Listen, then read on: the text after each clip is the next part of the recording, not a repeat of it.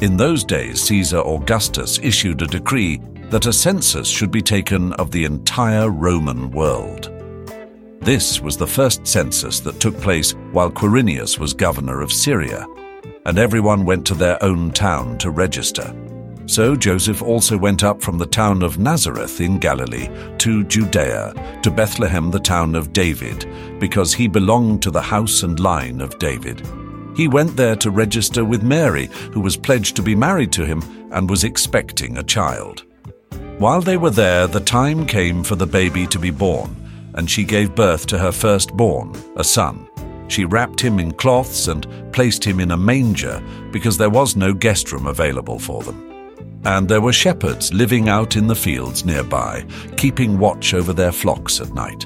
An angel of the Lord appeared to them, and the glory of the Lord shone around them, and they were terrified.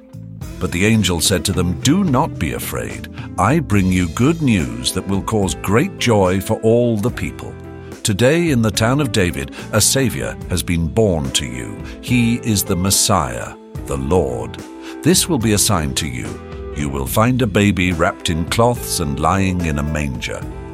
Suddenly, a great company of the heavenly host appeared with the angel, praising God and saying, Glory to God in the highest heaven, and on earth peace to those on whom his favor rests.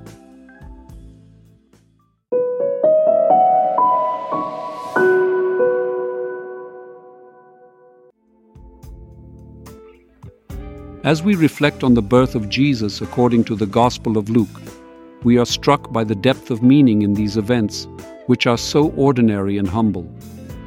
God, in His infinite wisdom, chose simplicity to reveal His greatness and love. Jesus, the King of the universe, chose not a palace, but a humble stable for His birthplace. He was born in poverty, surrounded by animals far from worldly splendor. This humility in the birth of Jesus reminds us that true greatness does not lie in external signs of wealth, but in humility, love for people, and all creation. This message is particularly important in our world, where we often seek value in material success and social status. Luke, in describing the birth of Jesus, contrasts the earthly power of Emperor Augustus with the true spiritual power of Jesus. Augustus, considered a deity, was supported by slaves, armies, and servants living in wealth, holding a considerable portion of the world in his hands. In contrast, Jesus, born in poverty, was the true God who came to serve.